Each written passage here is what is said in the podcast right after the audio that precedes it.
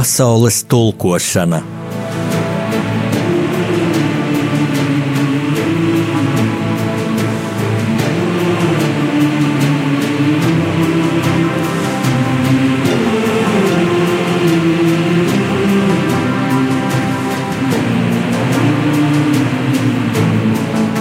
Studijā rakstnieks Jānis Udris.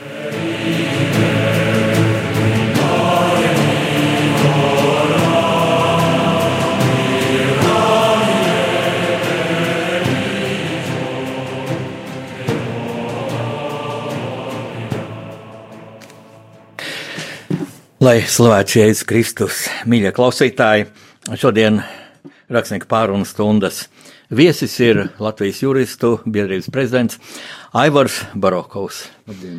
Aivars veids tev studijā un nu, daudz jautājumu ir, ko es tev jautāšu, ko, ko klausītāji tev gribētu jautāt. Daži ir zināmi, bet um, es sākšu pavisam vienkārši. Kā tu šajās dienās jūties? Nu, jāsaka, ka labi es jūtos. Es jūtos, varētu teikt, droši. Jo manuprāt, ka te parādījies viens latviešu. Latvieši ir disciplinēti. Un faktiski šī, šis pandēmijas laiks ir ļoti labi menedžēts. Tas bieži tādu drošības sajūtu.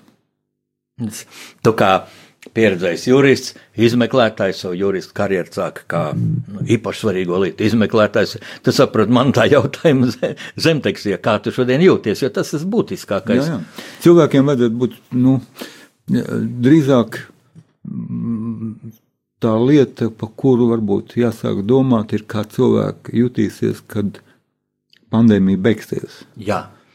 Tā ir, tā ir lieta ar ļoti daudziem jautājumiem un Bet par to laikam šodien nevajag runāt un, un, un jācer uz to labāko. Pirmkārt, šis laiks beigsies ātri, un zināmā veidā mēs varētu būt paraugs citām valstīm. Tas, es domāju, ir ļoti būtiski, jo es visu laiku jūtu tādu iekšēju vajadzību salīdzināt Latviju ar citām valstīm, un man liekas, šobrīd mūsu lielā priekšrocība ir tas, ka relatīvi neliels iedzīvotāju skaits un e, ļoti neliels iedzīvotāju blīvums, nu, salīdzinot, piemēram, ar Nīderlandi, ja, kas ir mazāka teritorija un, laikam, septiņreiz vairāk iedzīvotāju. Arī tas nenoliedzami ir faktors, ja, bet, uh, nu, kā lai saka, ir tāds joks parādījies jauns par tiem diviem metriem ka jātur divu metru distance un vidusmēra. Jā, Latvijam pirmais jautājums, kāpēc tik tuvu? Jā. Nu, tas jā, jo varbūt labi raksturo. Ir, ir atturīgāki. Jā, un, teiksim, dienvidnieki ar savu temperamentu, viņiem vajag apkamties tur trīsreiz bučoties, un, un šī te ielas komunikācija kultūra ir, ir savāda savādāka nekā mums. Ja? Latvieši ir atturīgāki. Nu, man ir tāds senteiciens, ka latvieši būvē mājas suņa reja attālumā viens no otra. Ka faktiski tā pa gabalam redz, kaimiņš tur dzīvo, elpo, nu, un vairāk ar neko nevajag. Tā kā tas ir šis te mentalitātes faktors ir ļoti būtisks, laikam arī. Aivar, tu teici pirms brīža beigsies ātri. Uh, Ko tu domā ar vārdu ātri, gads, pusgads, lai gan ļoti riskanti jau tā ir teikt. Jā, jā, jā nu, tas nozīmē, ka mēs gandrīz vai sākam zīlēt mākoņos, un, bet nu, tā mana cerība ir kaut kur vasarā, ka mēs varēsim sākt atgriezties pie normālas dzīves kaut kur. Līdz tagad, ja, kad nu, daudz uzņēmumu strādā attālināti, jo nu, daudz uzņēmumu, diemžēl, diemžēl, diemžēl atlaiž darbiniekus. Mm, un ļoti daudziem latviešiem ir šobrīd jau īpašuma laukos. Un es arī maija sākumā jau nebūšu Rīgā, es dzīvošu kurzemē 200 km no Rīgas. Nu, tur nav runa par diviem metriem, tur ir cilvēks no cilvēka 200 metrus. Jā. Viņa ir ēna attālumā. Jā, jā, jā, jā, jā patiešām, jā. Un, un, un Rīga jau vasarā kļūst ļoti tukša, ja, un tas varētu arī nākt mums par labu. Ja.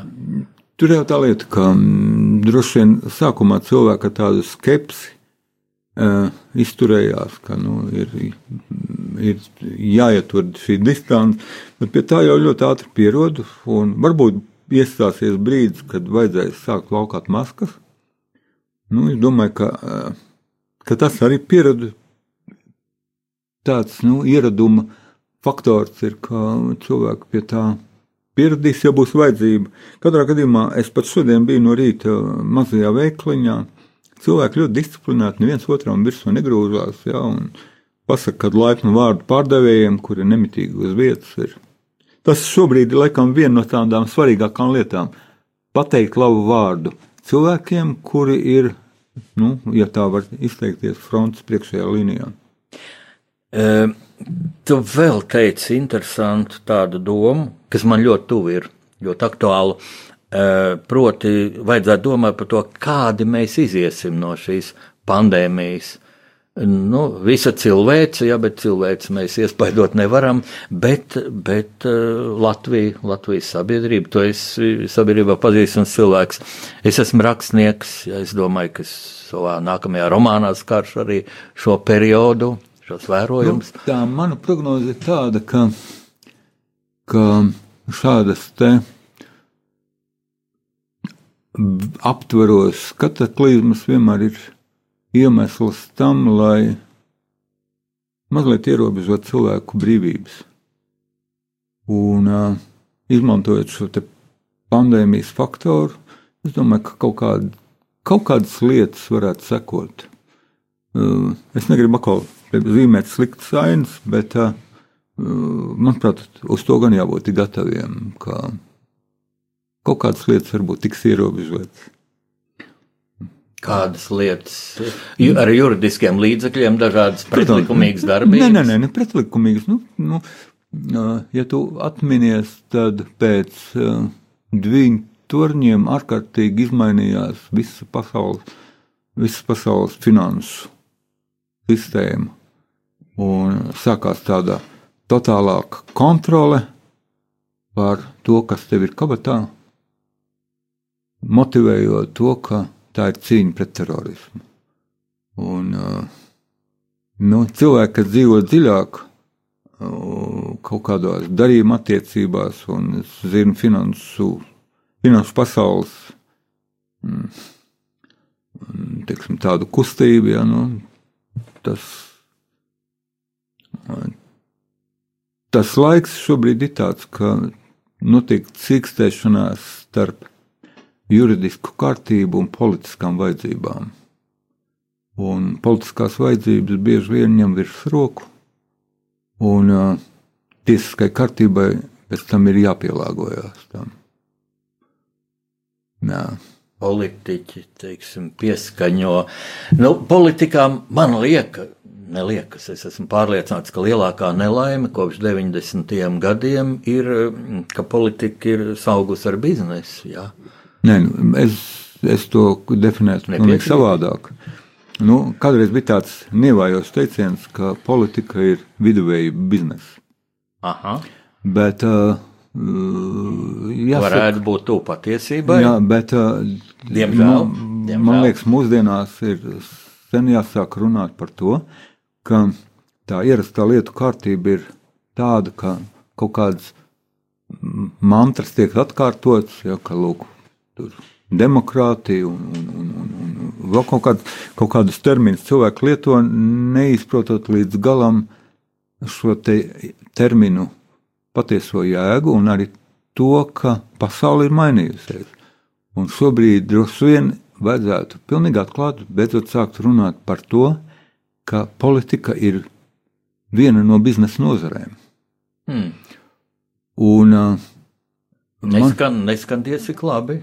Jā, jā, bet uh, politika ir biznesa. Un, un es redzu ļoti daudz jaunu cilvēku, kuri iet politikā ne tāpēc, ka viņi gribētu izdarīt kaut ko, kādu pavērsienu valsts dzīvē vai kaut ko nu, izdarīt valstī, bet viņi saprot to, ka tā ir nauda. Tā ir nauda, tā ir vara, tās ir iespējas visu šo te kopā liekot, kaut ko dzīvē darīt. Un, uh, ar, to, ar to ir jārēķinās, jā, ka, ka pasaule mainās un ir cilvēki, kuri šos procesus ātrāk saprot, ātrāk viņiem pielāgojas, viņus arī prot ātrāk izmantot. Manuprāt, ka nav ilgi jāgaida, ka beidzot cilvēks sāk saprast, ka šī partiju sistēma ir sevi izdzīvojusi.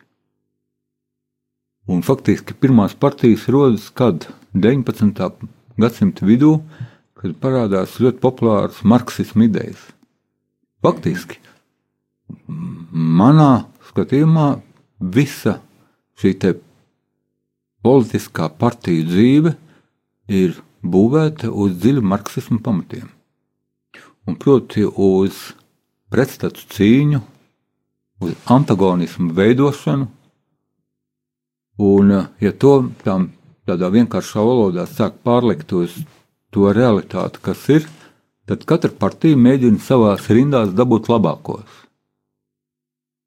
Tad ņem populārus aktierus. Nē, nē, nē. tie populārie tie ir, kas saka, tā ir, kas saka, Vitrīna, uh, ir esma, lai pievilinātu uh, balsotājus un, un vēlētājus. Bet, bet tā būtība ir, ka mēģina dabūt labākos, gudrākos. Un, tas, labi. tas ir, tas ir līdz brīdim labi, kamēr šie cilvēki ir dabūti. Un tad šie cilvēki sāk cīnīties ar labiem cilvēkiem no citas partijas.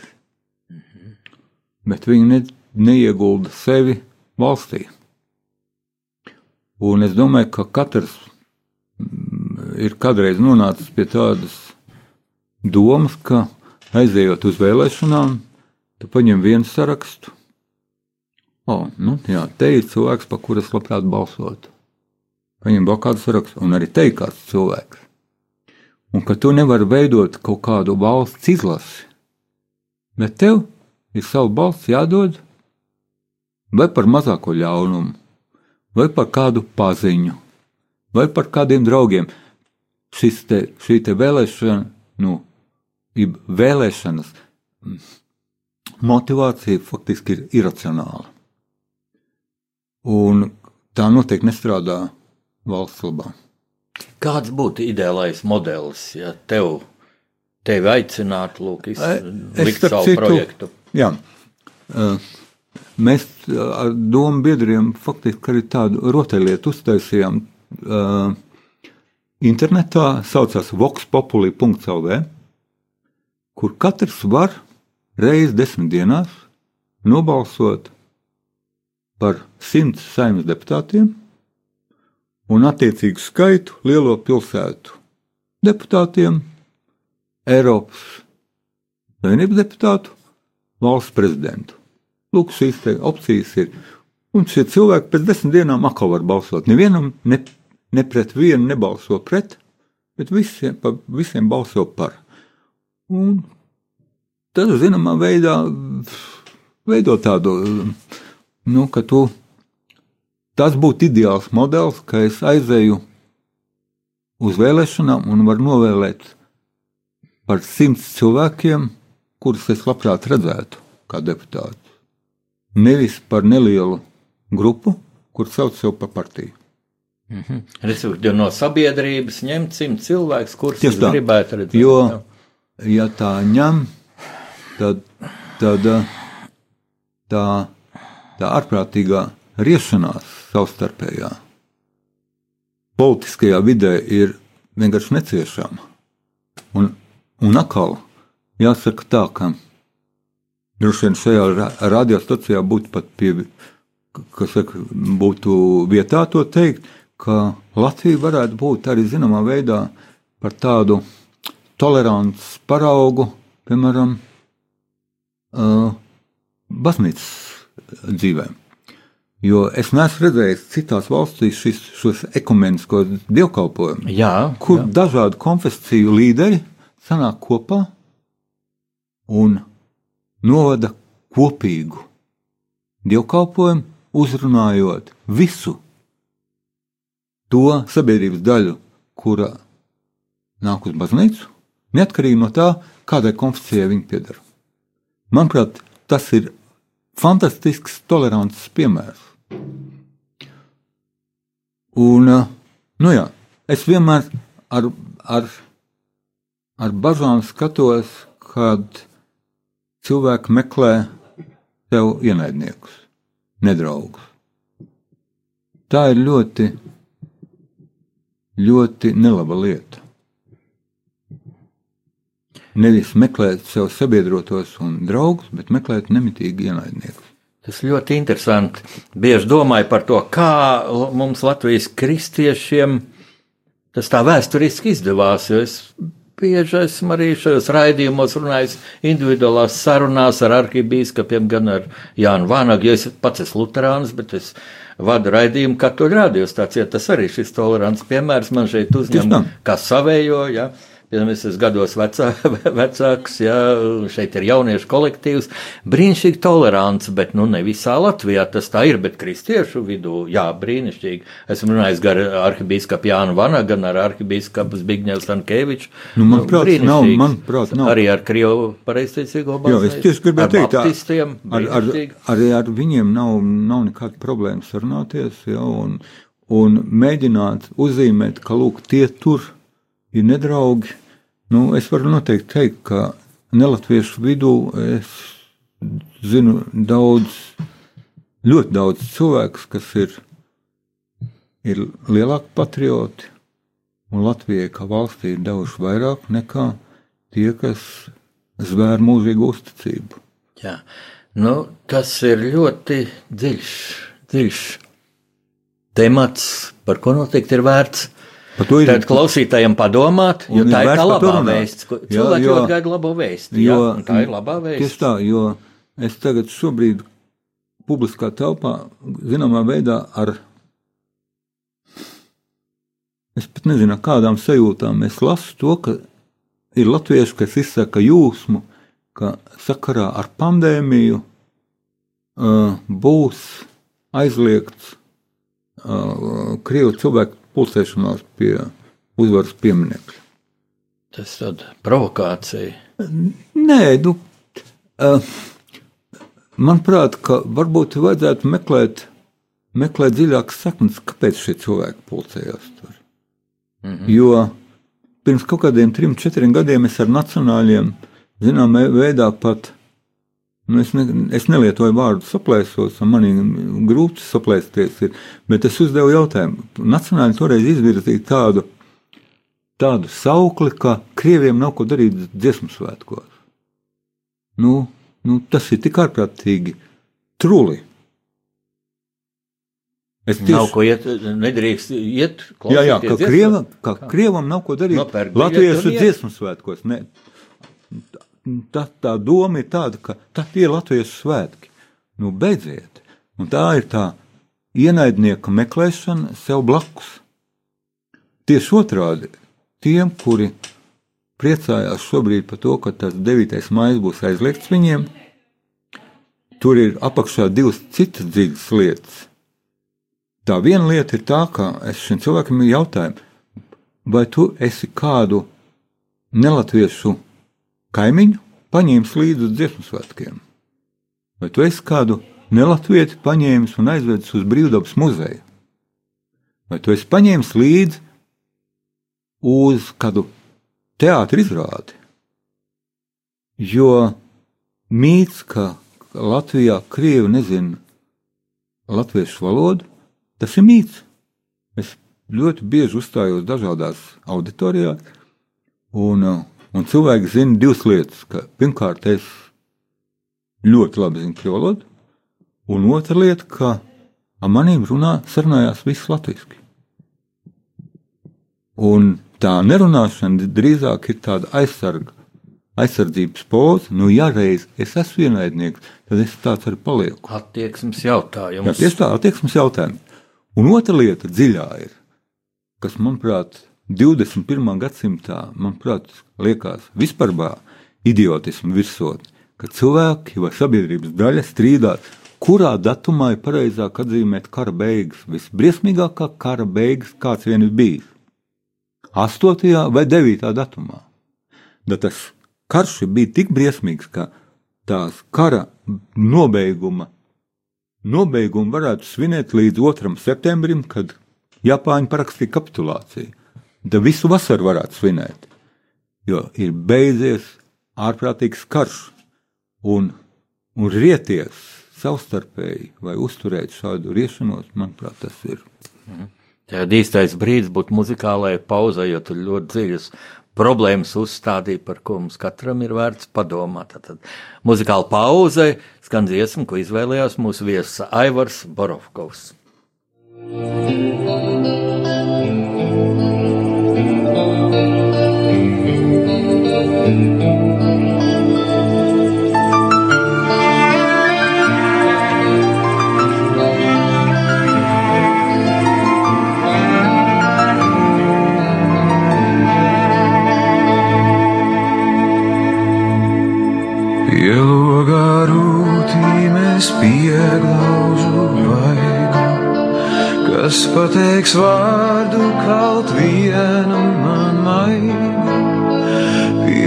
pielogā rūtīmēs pieglaužu vaigu. Kas pateiks vārdu kaut vienam man maigu, kas piekļaus krūtīm un noglāstīs matus, kas piekļaus krūtīm un noglāstīs matus? Uz loga rūtī mēs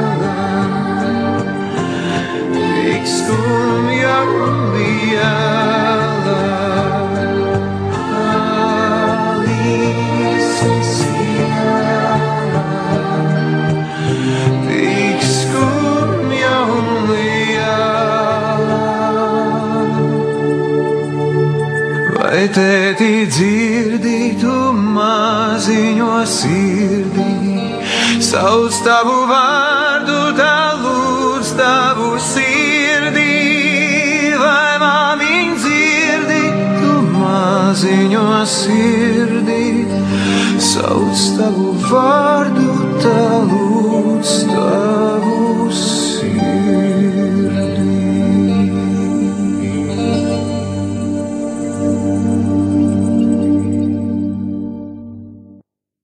Šeit rādījumā arī Latvijas, gan rakstnieku pārunu, stunda pasaules tulkošana, un es Jānis Uders runāju ar mūsu studijas viesi mm, Aivaru Borovko, jo Latvijas juristu biedrības prezidentu. Tikko skanēja dziesma, kuru tu biji izvēlējies, Aivar, eh, dažus vārdus, ka ar ko tev tuva šī dziesma, tas Normunda Beļska vārdi, jā, un Igo? Jā, vārdi ir, ir, ir vienkārši reti, kuram gabalam ir tik ārkārtīgi dziļi vārdi.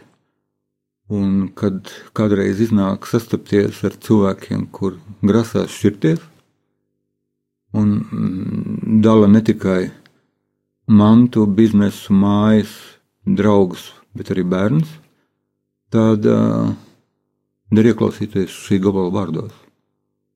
Ļoti pamācoši. Ja. Tur ir ļoti dziļi vārdi. Aivar, pirms šīs muzikālās pauzes, jā, mēs runājam par politiku, kādam vajadzētu būt parlamentam, kādam, kādam vajadzētu būt parlamentāriešiem.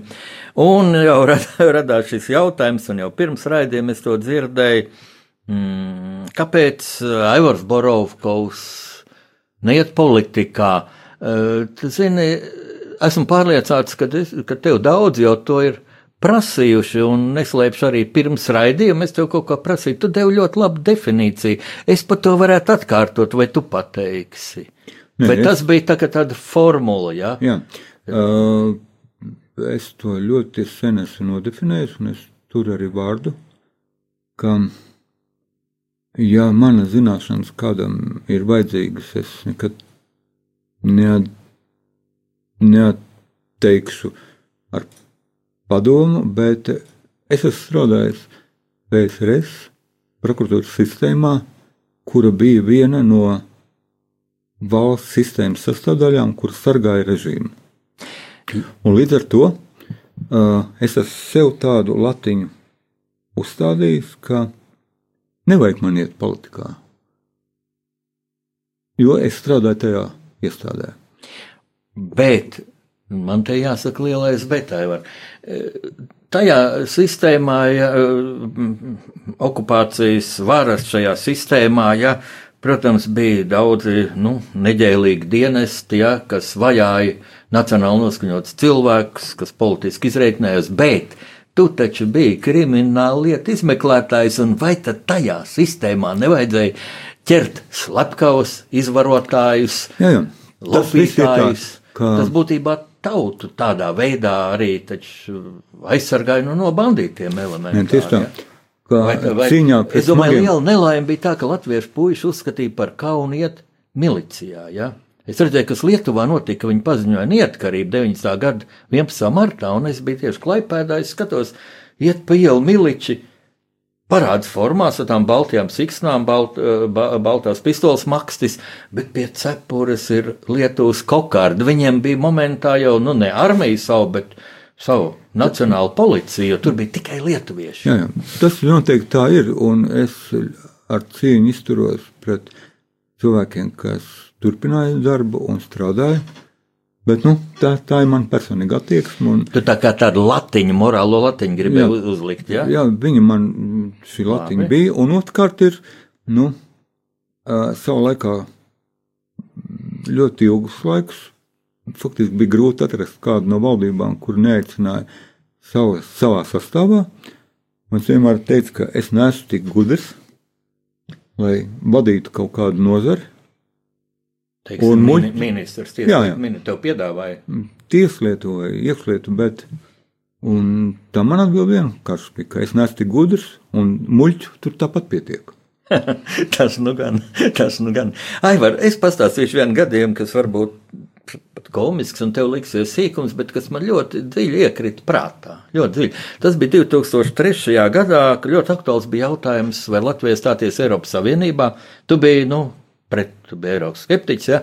Un mēs satikāmies mm, vienā tādā konferencē Jūrmalā. Tas bija šajā Vaivaru rehabilitācijas centrā. Ja? Un arī tur runājām savus argumentus, un tā, un visa cieņa. Es biju par Eiropas Savienību, tu biji pret, vai mēs tādā kāvāmies, nu, kā, nor, kā, kā kultūrāla sabiedrībā, bet pienāk pusdienu laiks. Ja? Un mēs ejam ēdam zālē, tur ir klāti galdi, ja mēs visi sēžam, brīnišķīgi noskaņi, visi ēdam. Vienīgi Borovkovs nesēž pie galda, bet paņēmis rokā piecu latu banknotu, iet un saka, kur te var samaksāt. Un tur nav kur samaksāt. Mēs tur tur zviedru galds, mēs paņemam to ēdienu, bet tur nav neviens, kas ir pilnvarots saņemt šo naudu. Tas oficiāls, nu kā viņas var ņemt naudu. Visi saka, ir samaksāts, viss rīkotāji. Bet tas uzstādījums konference bija, protams, kad vajag balsot referendumu par Eiropas Savienību. Mm. Aivars Barokos ir pret, man liekas, tu pat nepaēdi toreiz. Es, nē, nu, tāpēc, ka es negribēju, ka kāds varētu pēc tam teikt, ka es esmu pa zupas šīvu nopirkt. Tu zini, un es toreiz tā kā īsti nesapratu, ai, vai tā Aivars nepārspīlēja.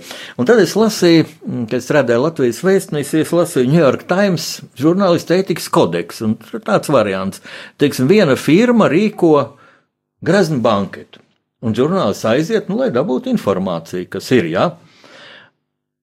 Bet viņš zina, ka šī firma blēdās, teiksim, nemaksā nodokļus. Tur nu, ma maz kas labāk, kā jurists zina, kā, cik plašas variācijas var blēdīties. Ja? Uh, un žurnālists grib atmaskot to, un tas ētikas kodeks uz stingrāko nosaka, ko viņš drīkst, ko viņš nedrīkst. Viņš nedrīkst tur ēst. Viena lieta, ko viņš drīkst, viņš drīkst izdzert glāzi ūdens, jo tas neko nemaksā. Ja? Un tas bija tas princips, ko tu tagad darīji tajā konferencē, un palika nēdis. Savādi, jā. Jo juridiski tie cilvēki arī saprot, nu viņi nav paredzējuši to. Nu, nevar, tu, nevar neviens pieņemt tavu naudu. Ja? Nu, lūk, tā, un nu, šī te es sapratu, ka laikam jurid, tādos morāles jautājumos nav sīkumu. Ja? Tas tu piekrīt tam, tā morālā latiņa. Nē, nu, tagad es tā klausos tavus komplimentus, un tad es te tā kā tāds jau sāku, man sāk muguru niezēt. Nu, nosarts tu neesi. Ka, Tu man, tā, ka man tur uh, spārnīgi sāk augt, un es tā kā tāds eņģels. Neviens nav bez grēka, bet ir kaut kādas lietas, kurām es varu būt draudzīgs, tolerants, bet ir brīdis, kad es saku stop. Ja jūs pa labi, tad es pa kreisi. Tev ir daudz ienaidnieku ar šādu pozīciju. Es nezinu, droši vien jau nedraugi kāda aiz muguras ir. Es sev ienaidniekus mēģinu uh, neradīt, un varbūt tāds dzīves princips ir, ka man patīk, ka aiz, man aiz muguras paliek smaidos cilvēki. Ieskaitot, es kādreiz tādu piemēru auditorijās stāstījis, ka ir reizes, kad varbūt ir konflikts ar ceļu policistu. Un, ja ceļu policists, nu, teiksim tā, uzvedās nekorekti, tad viņš ir ļoti ātri jānoliek pie vietas. Bet tajā pašā laikā viņu nedrīkst atstāt pazemotu un aizkaitinātu.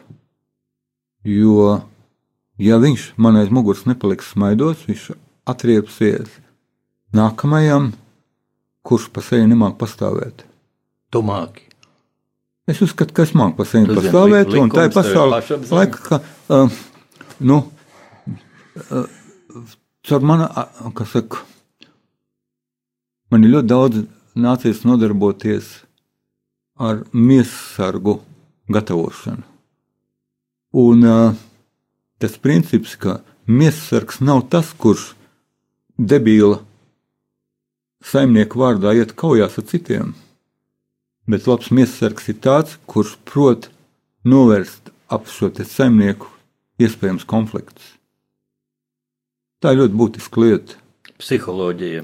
Nu, jā, novērst konfliktu un, uh, un piespiest cilvēku pasmaidīt. Un Tas manas vecās mammas kādreiz mācītais princips. No rīta pirmā lieta - pasmaidi pasaulē, tev noteikti kāds atbildēs. To tev omīt mācīja. Jā. Tā ir pat Gudra. labā lieta. Gudra. Jā, tā ir ļoti laba lieta. Latviešu sievietes vied, viedums. Jā, tieši tā, un, un, un to man gan vecā mamma mācīja, gan mana mamma mācīja. Man liekas, ka tā ir ļoti būtiska lieta. Pasmaidi cilvēkam. Uh, Tu esi juristu biedrības prezidents ilgus gadus jau, un tu arī viens no šīs biedrības dibinātājiem bija.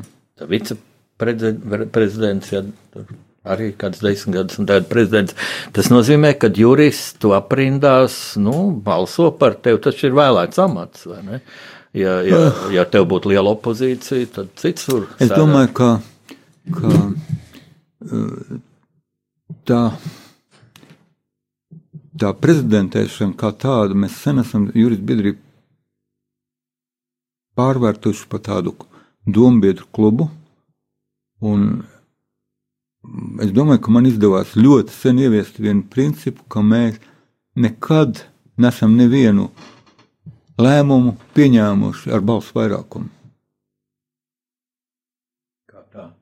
Vienkārši tā, lēmumu var pieņemt tā, tajā brīdī, kad tas ir visiem klātesošiem pieņemams. Visiem. Visiem. Ka nav liela opozīcija. Lūk, es savā laikā taisīju vienam ļoti elitāram klubam statūtus,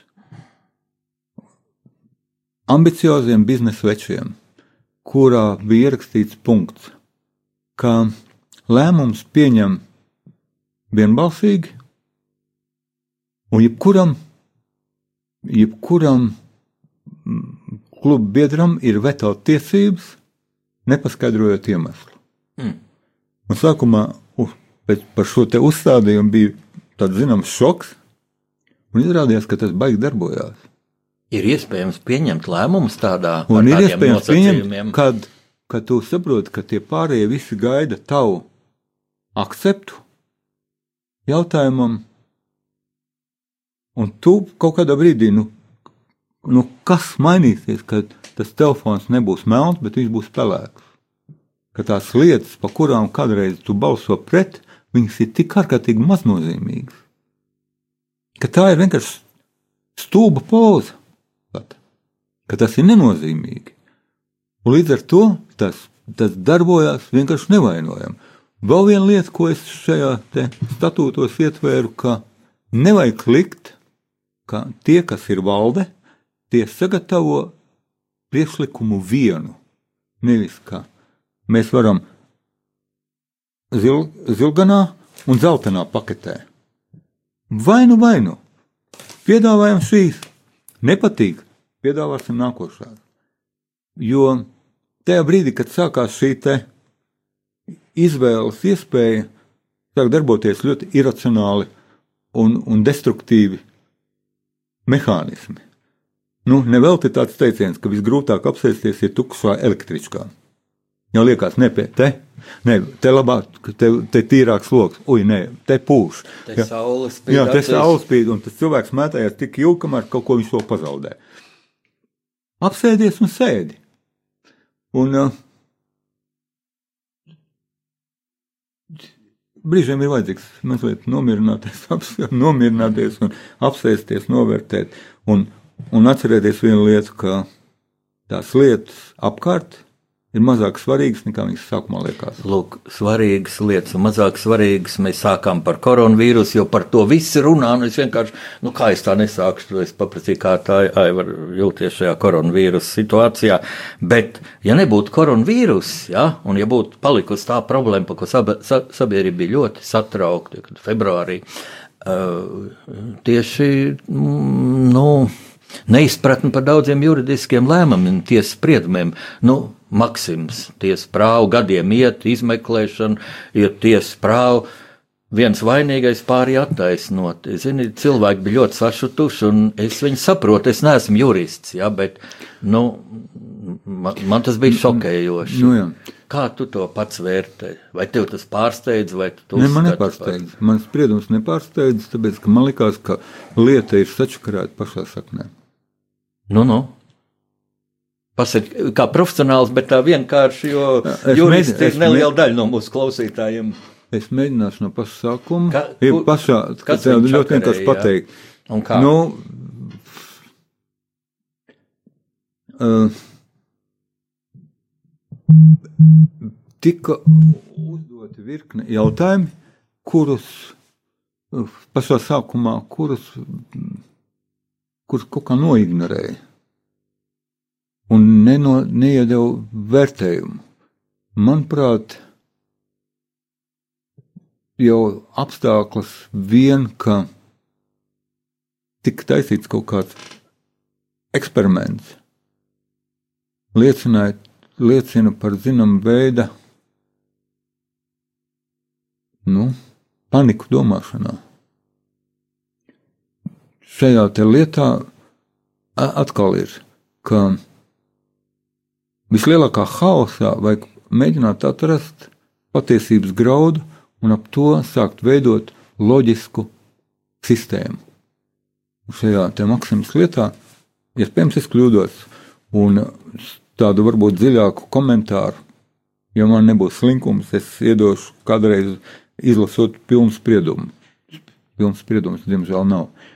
Bet tajā pašā laikā es varu, kas saka, gaisā atstāt vairākus jautājumus, un pamat jautājums ir, vai ir novērtēts tās amatpersonas rīcība, kura atļāva atrasties veikala telpās, laikā, kad uz jumta notiek būvdarbi. Jautājums. Tā persona netika tiesāta. Tas ir jautājums, pamat jautājums numur viens.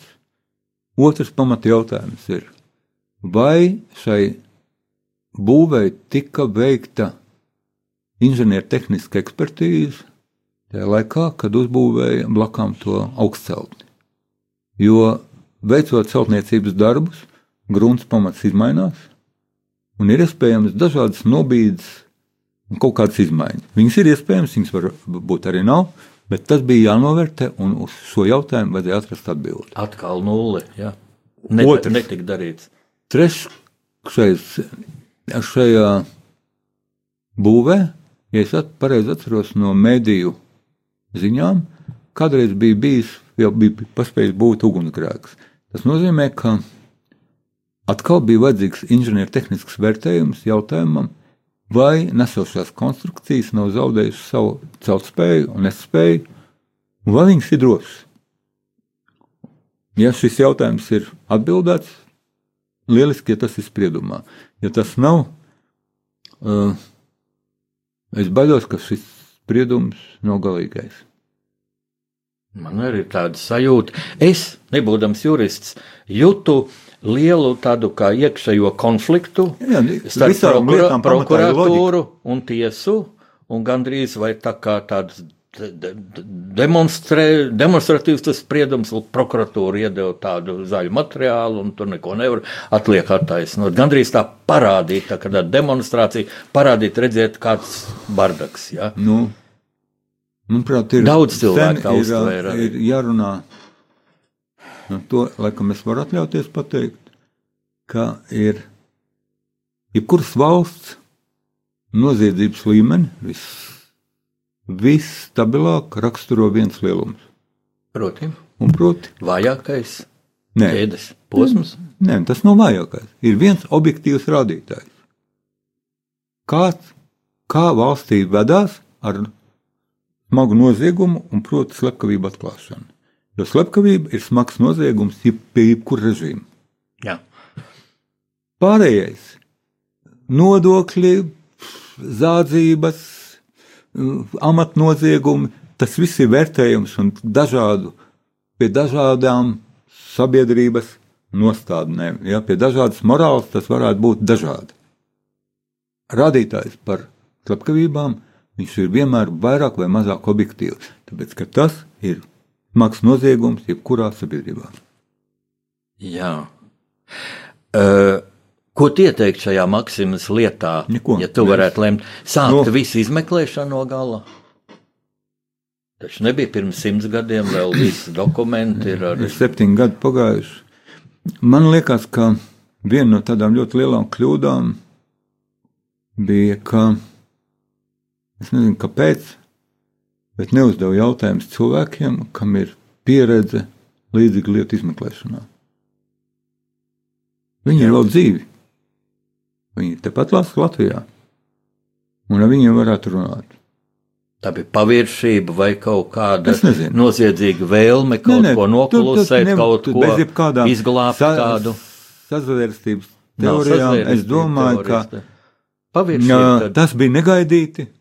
Nu, pirmais, pirmā šoka at, saka, reakcija bija Maksimas lietā, bija, ka mēģināja uh, šo te informāciju noslepenot. Ja, paldies Dievam, saprāts ņēma virsroku un cilvēkiem atgādināts tika, ka mm, likums par valsts noslēpumiem, piektais pants skaidri un gaiši pasaka, ka šādus te noteikumu, notikumus nedrīkst padarīt par valsts noslēpumiem, jo tā informatīvā telpa ir ļoti konstants lielums. Ja tajā nepulsē taisnība, tad to telpu aizpilda baumas, tenkas, meli, izdomājumi un dažādas fantāzijas. Un tūlīt es gribu pāriet pie nākamā jautājuma, kas arī cilvēks ļoti interesē. Nu, informatīvā telpa, vai to tā varētu saukt par šo tavu, nu, mm, kā to saka, projektu, ļoti vērienīgo projektu, kas sākumā saucās Nekropole, internetā, tā, tā, tāds. Um, tāda elektronisks um, arhīvs, encyklopēdija par viņu saulē aizgājušiem cilvēkiem. Jā, mēs sākām ar to pirms desmit gadiem. Kādēļ ideja sākās, kāda tev motivācija ideja, un kāda attīstība? Ideja sākās ar to, ka es pamanīju, ka ļoti daudz cilvēku, kuri bijuši mums ir blakus, viņus ārkārtīgi ātri aizmirst. Jā. Un tādus, ko, kas ir nācijas dārgums. Ne tikai nācijas dārgums. Uh, Vērtība ir jebkurš cilvēks. Jebkurš cilvēks, kurš dzīvojas mums blakām. Un uh, tas tāds varbūt gan arī jau folklorizējies citāts, ko es esmu teicis kādā no intervijām, ir, ka pēc simts gadiem varbūt kāds bombas pie Matīs tirgus laika izpratnē būs daudz interesantāks nekā kāds deputāts, kas ir nosēdējis beztolkā vairākus termiņus saimā. Bombas varbūt bija filozofs. Viņš varētu būt interesantāks kā personība, jo parādot to vidi, kas ir ap viņu. Un, un otra lieta ir, ka, ko mēs mēģinām arī, tā ideja, ko mēs mēģinājām sākt stāstīt, ir, ka jebkura pop zvaigzne, jebkurš sportists izcils vai kas, viņš nav nekas, ja viņam nav pilns stadions ar skatītājiem. Un eh, ka ir jāatcerās ik viens. Mēs ar to varbūt arī atšķiramies no Wikipēdijas, ka mēs nešķirojam cilvēkus svarīgos un mazāk svarīgos, bet mēs uzskatām, ka ir jāatcerās ik viens, kurš ir bijis uz zemes. Ik viens. Labs, slikts, vērtēt viņus pēc labuma vai sliktuma, tās nav mūsu tiesības. Un jā, un mēs tā pamazām sākām rakstīt, rakstīt. Pa saviem kanāliem mēs esam atvilkuši milzīgu apjomu gulagu arhīvu uz Latviju, ziņas par personām. Nu, vienkārši salīdzinājumā mēs varam teikt, ka miruši gulāga. Kas, kas ir bijuši represēti. À, arī kas nomiruši jau pēc jā, atgriešanās tam, jā, Latvijā. Vai tā... Latvijā tikai, vai arī ne. pāri Latvijas robežām iet šī, šī informācija? Nav. Ne, ne laikā, ne telpā. Tad tev ir arī ārzemju partneri, kas mums rakst, ir. Tas ir Anglijā, kā tas ir Igaunijā. Mums šobrīd tā enskl šī encyklopēdija ir 11 valodās. Aha. Un, uh, uh, nu, salīdzinājumā, piemēram, starptautiskam memoriālam ir ziņas par kādu 1,7 miljoniem. Mums datubāzē ir kaut kur 3,6 miljoni. Aha. Tikai represētās personas. Un ļoti daudzi, kuri ir pazaudējusi savus tuviniekus, atrod pie mums. Un kā tāds liels grūdienis bija, ka viens britu lidotājs, kurš bija zaudējis savus piederīgos, bet viņam, viņš, viņš poļu izcelsmes, viņam, viņš pie mums datu bāzē atrada 42 savus bezvēsts pazudušos radiniekus. Un tas mm, bija tāds impulss, ka šis lidotājs uztaisīja faktiski tādu zinām veidu skandālu poļu ārvalstu diasporā.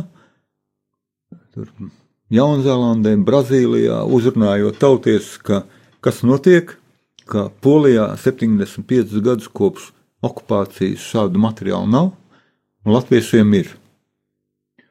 Jo šis nekropolis projekts Tagad tas sauc jau savādāk. Mēs jau mēs pirms trīs gadiem nomainījām. Tas no... tātad dzima Latvijā, tā ir tava ideja. Jā, tava tas... un vēl kāda tava doma. Ainārs, Ainārs Brūvels ir otrs. Jūs divi jā, latvieši. Ainārs ir kas saka, ar pieredzi veidot šīs analītiskās sistēmas, jo viņš ir uztaisījis kopā ar saviem kolēģiem Lursoftu. Mm ja, man ir sava pieredze vākt informāciju, apkopot, analizēt un apstrādāt. Ja, tāda, kāda man ir, un faktiski iznāca mums tāds labs komplekts. Šobrīd mums ir pāri par 51 miljonu lapspušu encyklopēdijā. Vidējais apmeklējums ir apmēram 75, 85 valsts diennaktī. Un cilvēki rosās. Jā, faktiski viena no aktīvākajiem, kas šobrīd darbojas, tie ir poļi. Tā ideja ir tāda, ka katrs ierakst, iereģistrē un raksta savējos. Un tur var piedalīties ik viens. Jā, mums jā. ir apmēram šobrīd ir pār pa 25,000 cilvēki, kuri raksta savas dzimtas cilvēkus iekšā. Nu, es esmu viens no tiem, kas jā, ir ierakstījis un, savus mirušos vecākus. Jā, jā, jā. jā.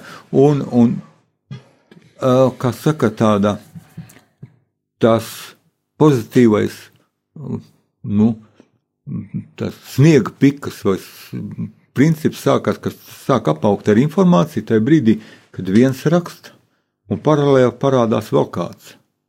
Un tad izrādās, man ir tādas ziņas, bet man ir šādas saliekot kopā, nu, te pirms diviem gadiem mums bija vieni kanādieši, kur atrada savus radus uh, Šveicē, kuriem nekāda sakara ar Latviju nav bijis, bet caur mums atrada savus piedarīgos. Mums ir vairāk piemēri, ka Krievijas cilvēki atrod savus radus Latvijā, un uh, Latvijā nu, tāda simtprocentīgi tīru latviešu, manuprāt, ļoti grūti atrast. Nu, viņi, man liekas, kaut kur kolbās turam ir. Ja, jo tie radu raksti un, un, un, un dzimtas ir krustojušās, ir ārkārtīgi liela un klusa un ļoti labi integrēta Latvijas sabiedrībā, piemēram, ir poļu diaspora. Mēs pat nenojaušam cik daudz starp mums ir poļu. Ir cilvēki ar poļu sapnēm, kuri lieliski dzīvo Latvijā, un viņiem nav nekāda problēma. Mēs te vienu brīdi pieminējām valodas jautājumu. 14. gadā, kad sākās Latvijas-Ukrainas karš, kuru ilgu laiku par karu nesauc politiskās koķetērijas dēļ, mēs no pirmās dienas šo notikumu saucam par karu. Un uh, tad parādījās viens fenomens, ka, piemēram, atnāk uz biroja cilvēks, kurš ir visu mūžu nodzīvojis Latvijā. Viņš ir Ukraiņš. Viņš šeit runā krieviski. Un tagad ir noticis knikšs, ka viņš krieviski vairs runāt negrib, bet latviešu neprot. Arī tāda kurioza ir piedzīvota. Bet viss ir labi. Viss notiksies labi. Es gribu mūsu raidījuma izskaņā pateikt, ka Mēs esam ļoti tuvu lieldienām, jā, Kristus augšām celšanās dienai. Mm, un Reiz mēs to neminējām sarunā, bet it kā nav vajadzīgs, jo visa tā filozofija Tas tā ļoti atbilst kādam pasmaidīt. Jā, un tā ļoti atbilst kristīgajai vērtību sistēmai, jā, šī tolerants, šī iecietība, šī rūpēšanās par tiem, kas ir debesīs, kas ir viņā saulē, kas ir pie Dieva. Aivar, es tev saku lielu paldies, tātad mūsu mm, rakstnieku pārunas stundas viesis šodien bija Latvijas juristu biedrības ilgadīgs, ilgadīgs, ilgadīgs eh, prezidents. Aivars Barokovs. Nu, un priecīgs lieldienas, Aivar. Paldies, lai Dievs tev sargā. Paldies, paldies visiem par darbu studijā. Ar Dievu palīgu.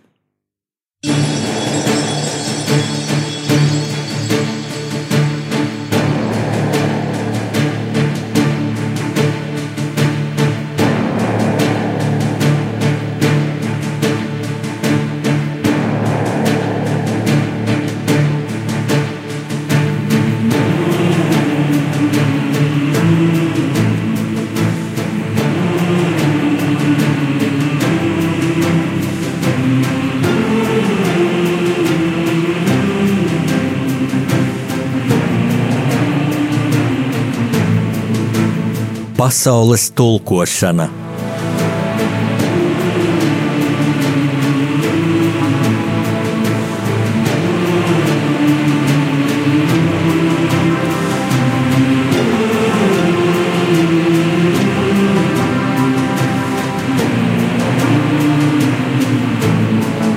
Studijā rakstnieks Jānis Udrichs.